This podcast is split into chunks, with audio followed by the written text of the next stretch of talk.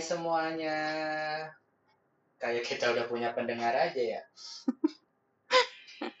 Eh, Oke. Eh, mohon maklum ya, eh, kami masih newbie, masih amatir di podcast. Ini juga nyoba bikinnya di kamar, di tengah break WFH. Emang WFH ada breaknya? Nggak ada. ya, eh, kenalin. Eh, saya pa- pakai panggilannya saya, apa aku, apa gue ya. Terserah, bebas. Saya aja deh. Gak asik kalau gue atau aku. Oke, kenalin. Saya eh, Rido, bisa dipanggil David, dan apa-apa. Bodo amat. Dan ini samping saya nih. Ada siapa nih? Resti, jeng jeng jeng jeng. Kenceng dong suaranya. Kan kita audionya masih ngirit, belum pakai yang pro. Resti. Eh, Resti ini sebagai apa? Saya sebagai pendengar loh. Saya istrinya dia. Oh ya, belum kenalan ya. Eh, kami berdua suami istri yang kebetulan ditakdirkan jadi suami istri. Kurang asam. Oh iya, Kebetulan. sebenarnya masih bingung sih mau bahas tentang apa. Cuma memang sempat baru sih tadi beberapa jam yang lalu tuh sampai kepikiran mau bikin podcast ah sama istri terus diskusi sama eh, Resti sebagai istri saya. Eh, kita kayak bikin podcast seru deh, tapi ngobrolinnya universal, jadi apa aja gitu. Terus dia, oh boleh tuh, oh ya udah. Akhirnya saya cari-cari nama dulu nih, cari-cari nama podcastnya, baru deh coba install aplikasinya. Ya nggak bun? Namanya apa? Ini ide-ide dari enakan aku ya ternyata ya daripada saya. bebas sama mau mau sok saya. sok anda. ya udah kalau menurut aku nih ya tadi aku nyoba-nyoba nyari banyak banget sih Uh, akhirnya aku menemukan satu nama yang menurut aku sesuai Apa tuh? jam 15 tanya dong kenapa gitu Tadi lu ketawa dulu. Apaan jam 15? Nah, jam 15 tuh maksudnya gini sebenarnya kan pengen namanya tuh yang keren gitu ya apa podcast suami istri misalkan podcast pasangan Kagak usah keren-keren, emangnya kita keren. Enggak sih. Maksudnya yang gampang diingat Oh, gitu. Terus kita mikir, nama-nama kayak gitu udah banyak dipakai gitu. Akhirnya saya coba cari nih jam 15. Kenapa jam 15? Jam 15. Jadi sebenarnya itu eh, apa ya? Semacam apa sih bahasa apa namanya? slang gitu ya? Bukan slang apa ya? Poplesetan. Nah, plesetan. Jadi, kenapa jam 15? Jam 15 itu maksudnya adalah jam terus 15 itu kan terdiri dari 1 sama 5. Hmm. Nah, itu maksudnya tuh I sama S. I sama S. Jadi kalau dibaca tuh jam is sebenarnya, Oh. bukan jam 15. Oke. Nah, is itu apa? Hmm. Is itu bisa diartikan eh bisa dibuat kepanjangannya itu istirahat. Mm-mm. Jadi jam istirahat Mm-mm. atau is itu bisa istri suami. Jadi oke. kepanjangannya kurang lebih gini nih jam istirahat suami istri suami gitu jadi Oke. kita bikin podcast ini ketika memang waktu kita luang gitu. Jadi meskipun WFH sebenarnya banyak luangnya. Eh. Enggak sih, enggak banyak luangnya. Iya. kok puyeng. oh. Ya, ya. didengerin nggak ya sama, sama bos-bos kita nih. Enggak sih kali enggak kali ya. Jadi, kebetulan kan kalau saya berprofesi sebagai eh, salah satu apa ya dibilang ya eh, s- bisa dibilang digital analis lah ya di beberapa tempat. Jadi ada kerjaan tetap ada juga freelance kalau istri sebagai apa Tenaga pendidik. kalau tenaga pendidik itu maksudnya itu apa guru atau murid Itu pertanyaannya sangat ngaco, Bapak. Apakah Bapak melihat usia 30 tahun ini menjadi murid sekolahan? Ya kan kan nggak ada yang tahu kalau Iya. usia kamu 30 tahun Ini aku ngasih tahu makanya. tua ya Yang Bapak masih muda. Eh, Tenaga pendidik itu lebih ke guru lah, Pak. Kalau tenaga kependidikan itu TU. Kalau murid kagak ada yang namanya tenaga murid. Oh, Murid aja. Oke oke, jadi istri saya itu sebagai guru. Nah, Bayangin nih, guru WFH, guru nggak WFH aja ribet ngurusin bocah ini menurut saya ya eh, ini WFH kayak call center bahasanya nggak ada liburnya gitu. Ya, ala-ala ala-ala belajar CS 24 jam lah, Pak. apa pun itu ya udahlah syukurin Syukuri. semoga keadaan ini bisa segera membaik meskipun Insya Allah, sepertinya kok nggak yakin ya tapi ya, ya tapi yakinin aja Yakinin aja lah. lah. Yakinin. Berhusnuzon eh, dengan ketetapannya Allah. Oh, Oh, gaya tuh kan. Keluarkan tenaga pengajar gua kan, eh tenaga pendidik gua. Parah. ini udah ngomong saya aku gua gitu. Lah, Kan apa aja ya natural. udah seenaknya aja lah ngomongnya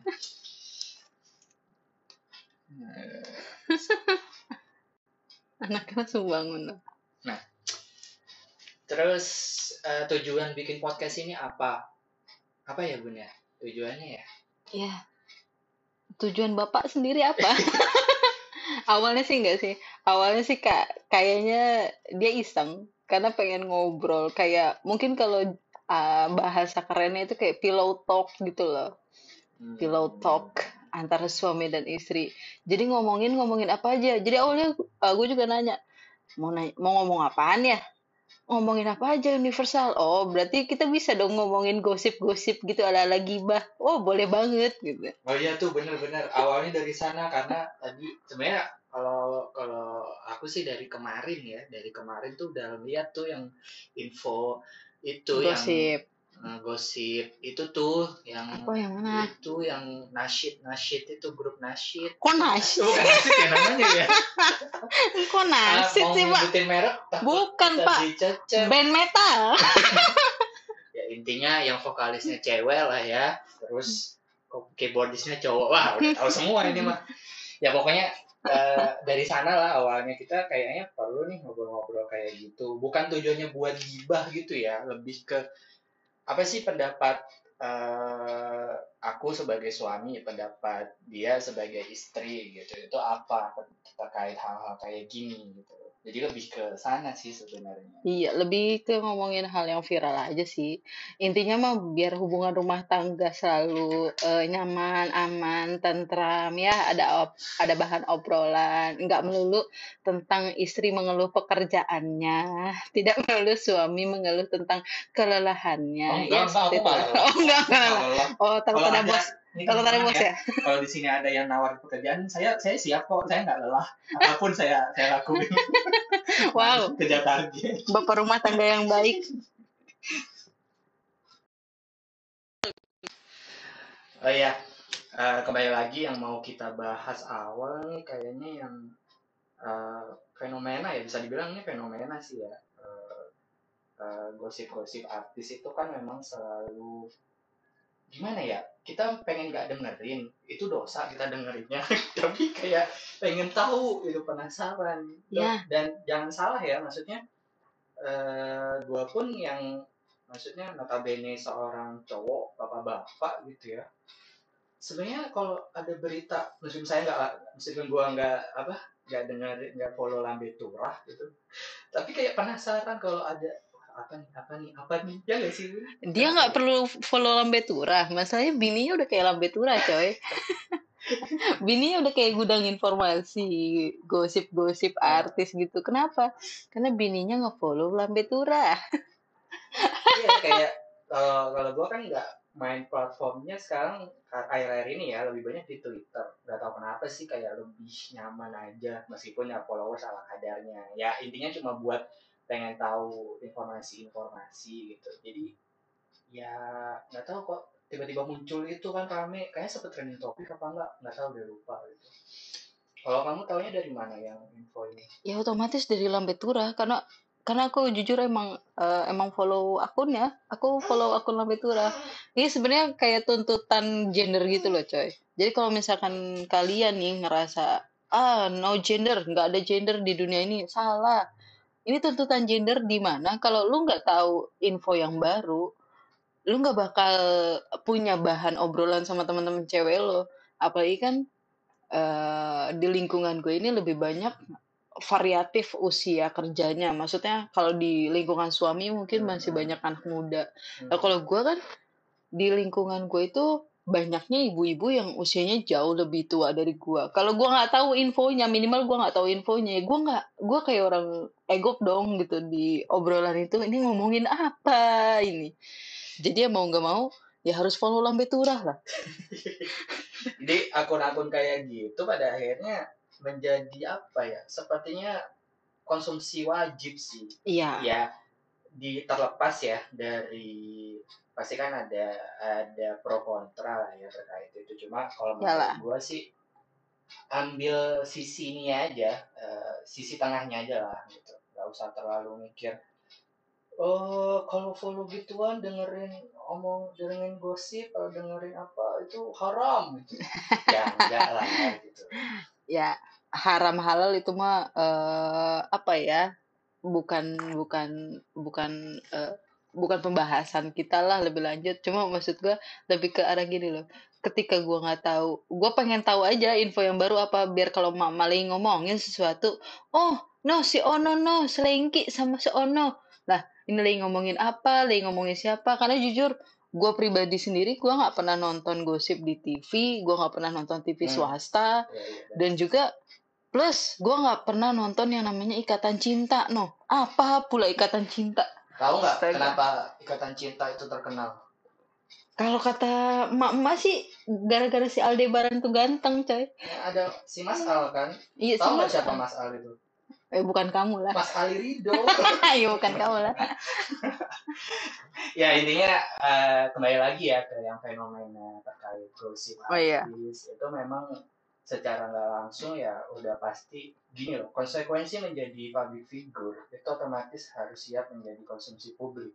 Apa pun itu mas termasuk kehidupan pribadinya termasuk hal-hal apa yang dikerjakan gitu ya gua nggak tahu sih ya eh, mereka-mereka yang jadi artis atau public figure atau ya mungkin influencer jadi- bisa disebut public figure juga kan gitu. Apakah sudah siap dengan hal seperti itu atau seperti apa gitu ya intinya ya ini konsekuensi utama sih gitu. Tapi yang kita bahas itu lebih ke kita nggak menilai eh, gosip yang terkait Ah, enggak. yang si cewek sama si cowok dalam sebuah enggak. band ini salah atau benar ya enggak. Kita cuma bahas tentang kenapa sih gosip itu kok cepet banget spreading. Ya jadi ketika nih ya ini nggak tahu sih ini menurut analisis gue pribadi kayaknya kalau kita bikin akun atau bikin channel bikin platform baru gitu ya yang isinya tuh tentang gosip artis atau tentang horor kayaknya cepet naiknya cepet tuh cepet naiknya pertama kalau kataku dia kalau kataku karena orang-orang itu memang terkesan eh, rasa ingin tahunya tinggi Hmm. dari berbagai kalangan usia. Ini mungkin aku melihat point of view-nya dari dari sisi dari sisi aku sebagai tenaga pendidik kali ya. Hmm. Rasa ingin tahu itu tidak terbatas dari usia usia remaja, usia dewasa dan lain-lain. Ketika lu kepo, ketika lu ring- lu pengen tahu sama urusan orang, itu pasti jauh lebih semacam lu tuh kayak intelijen gitu loh. Ketika ada ingat nggak sih kasus yang yang 19 detik itu? Oh iya iya Ya, itu kan lebih cepet ke spreading kan. oh iya satu lagi Dan sampai akhirnya netizen itu bersikap sebagai intelijen. Akhirnya mereka menemukan kecocokan-kecocokan dimulai dari ruangannya, hordengnya, tata letak TV-nya. Bayangin aja loh, netizen biasa yang nggak kenal siapa tuh 19 detik. Maksudnya tidak kenal secara langsung, tapi dia bisa langsung, mereka bisa langsung nyari dan bisa memberikan bukti-bukti yang eh, yang ah, sedikit akurat lah walaupun sebenarnya ada kesalahan, ada beberapa titik kesalahan. Tapi ternyata kecurigaan mereka yang mereka akhirnya eh, kumpulkan terbuktilah di akhir perjuangan kecurigaan mereka itu. tapi kan sempat salah tuh yang cowoknya ternyata bukan itu kan Iya, kalau cowoknya sempat salah lah. dugaan sih Iya ya sih. gimana ya berarti bener nih ada ternyata ada tiga sih yang emang bikin kalau kita mau bikin sesuatu dan cepat rame tapi ya jangan dicontoh juga ya gitu Iya. yang pertama tadi yang gosip artis terus bikin konten horor tapi kalau kalau yang konten dalam tanda kutip pemersatu bangsa ini sebenarnya kan ya bisa disebut ya mungkin ya karena dia selebritas public figure jadinya cepat juga gitu Iya sih. bisa jadi Ya. Cuma Mm-mm. kalau di sini pendapatku bukan sekarang gini deh. eh yang tadinya metodenya ketika kamu jadi public figure, oh kan suara anak gua, anakku bangun. Ketika kamu jadi public figure, teman-teman. Eh, sorry. Eh, tadi mau ngomong apa? Eh, buk, sekarang itu bukan berarti ketika lo jadi public figure, artis, aktor, selebritas, influencer, eh, selebgram, terus eh, jadi konsumsi publik. Maksudnya eh, kehidupan lo tuh jadi ranah konsumsi publik. Sebenarnya sih kayaknya metode itu sudah bergeser. Kenapa? Karena sekarang mau siapa pun kita, mau kita bukan influencer atau selebgram, ketika kamu sudah punya media sosial dan kamu tidak memprivasikan akun media sosial kamu itu, otomatis mau tidak mau secara tidak langsung kehidupan kamu yang kamu share di media sosial itu menjadi konsumsi publik.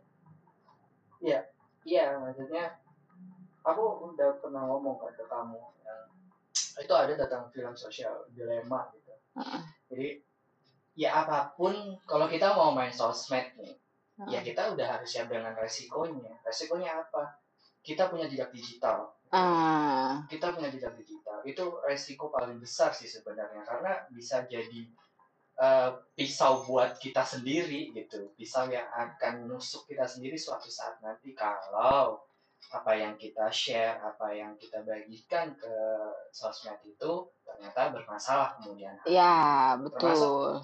Kayak obrolan kita di podcast kayak gini kan ya Ya, sama aja, kita pasti, juga ya. harus siap gitu loh. Iya dong. Tapi ya itu tadi, kalau emang udah bener sih, maksudnya benar kata kamu, kalau kita emang udah mau siap main sosmed, ya kita harus siap dengan segala konsekuensinya. Iya. gitu.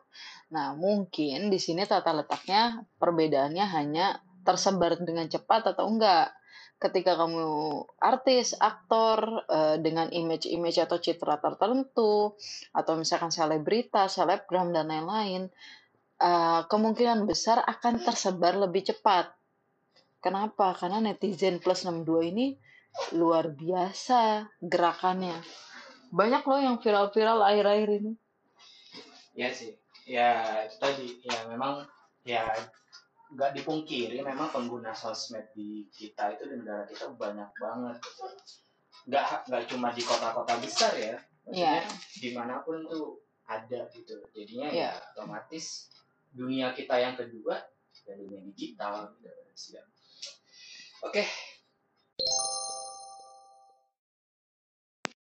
Ya, eh, dari obrolan kita eh, sekarang nih, eh, kalau gue pribadi udah bisa apa ya, bukan menyimpulkan sih lebih ke arah eh, menurut pandangan gue pribadi gitu.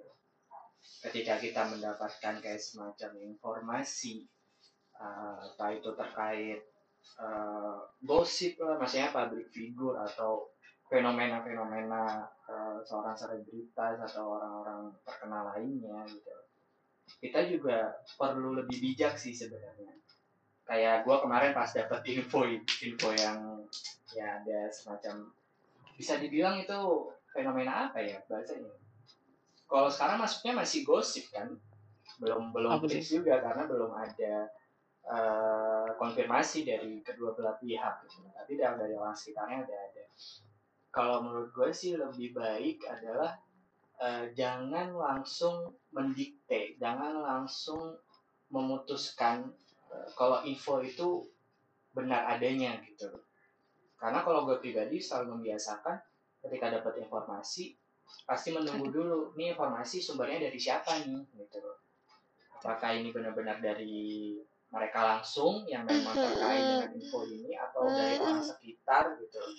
Jadi harus lebih bijak eh, jangan langsung mendikte kalau si A ini oh ternyata si A ini nggak benar ya ternyata si B ini kelihatannya doang ya eh, eh, dari luar apa gitu baik atau apa gitu. Ternyata eh, hatinya iblis gitu misalkan. Enggak jadi kita harus memposisikan sebagai netizen atau pengguna sosmed yang eh, paham dan harus eh, mengetahui informasinya dengan jeli dulu gitu sebelum memutuskan. Itu menurut menurut gue ya. Ya gini, gini aja deh. eh teman-teman yang dengar Eh, intinya mau siapa pun orang yang lagi lo lihat di media sosial itu public figure atau misalkan uh, politikus dan lain-lain intinya seseorang yang kiranya lo bisa jadikan influencer ketika dia baik jangan anggap seperti malaikat. Ketika dia jahat jangan anggap seperti iblis. Kita nggak tahu loh. Kita sama-sama nggak tahu. Uh, itu bagus tuh tadi Yang mana? ketika baik. Oh, ketika dia baik jangan jangan anggap dia sebuah keren banget maklum keluar. Nah iya karena emang kita nggak tahu loh gitu. Eh, di belakang itu aslinya dia kayak gimana. Karena media sosial yang lo lihat sekarang itu kebanyakan kebanyakan gue gue ingetin ya kebanyakan. Jangan sampai nanti lo mikirnya eh oh eh, ini sebuah hukum gitu. No no. Ini hanya kebanyakan kebanyakan orang-orang itu di media sosial itu hanya fake. Maksudnya fake gimana? Bisa jadi dia sering sharing uh, berita bahagia atau dia senang-senang dan lain-lain. Bisa jadi dia nutupin kesedihannya. Atau sebaliknya sering kali dia misalkan uh, member- membagikan citra dia atau image dia yang baik sopan ramah dan lain-lain ternyata aslinya dia pemarah. Kita nggak pernah tahu. Jadi intinya benar kata suami gue bijak dengan eh, bijak bermedia sosial teman-teman.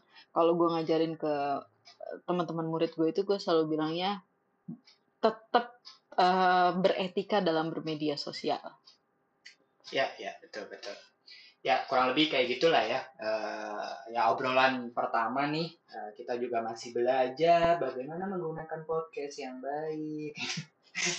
Jadi ya semoga apa yang kita obrolin sekarang ini bisa menjadi insight baru buat teman-teman pendengar atau mungkin juga buat kita sendiri gitu loh. Eh, jadi eh, semoga di awal podcast ini bisa bertumbuh lagi episode-episode lainnya yang bisa eh, membagikan tentang opini dan pendapat kita di podcast jam 15 Centong coba Apa teteh gitu teteh sih? ngomong teteh ngomong. Jam 15 gitu. Bilang coba. Teteh ngomong. Nah, ini Jam anak, anak gua 15. nih anak gua nih ngomong ayo. anak yang pertama. Bisa nggak? Jam Bisa 15 nggak? Oh, enggak, enggak. katanya dia nggak mau jadi podcaster dia mau jadi youtuber. Ya mau review apa? Review mainan. Mau review apa? Review mainan ya? Siapa youtuber favorit kamu siapa yang teteh sering tonton siapa namanya? Siapa namanya? Dia. Dia. Nak. Diana. Diana. And Roma. Oke, ya sekian. eh gua sama istri. Mohon pamit. yo ciao. Semoga kita nanti bisa bertemu di lain kesempatan. Di podcast jam 15. 15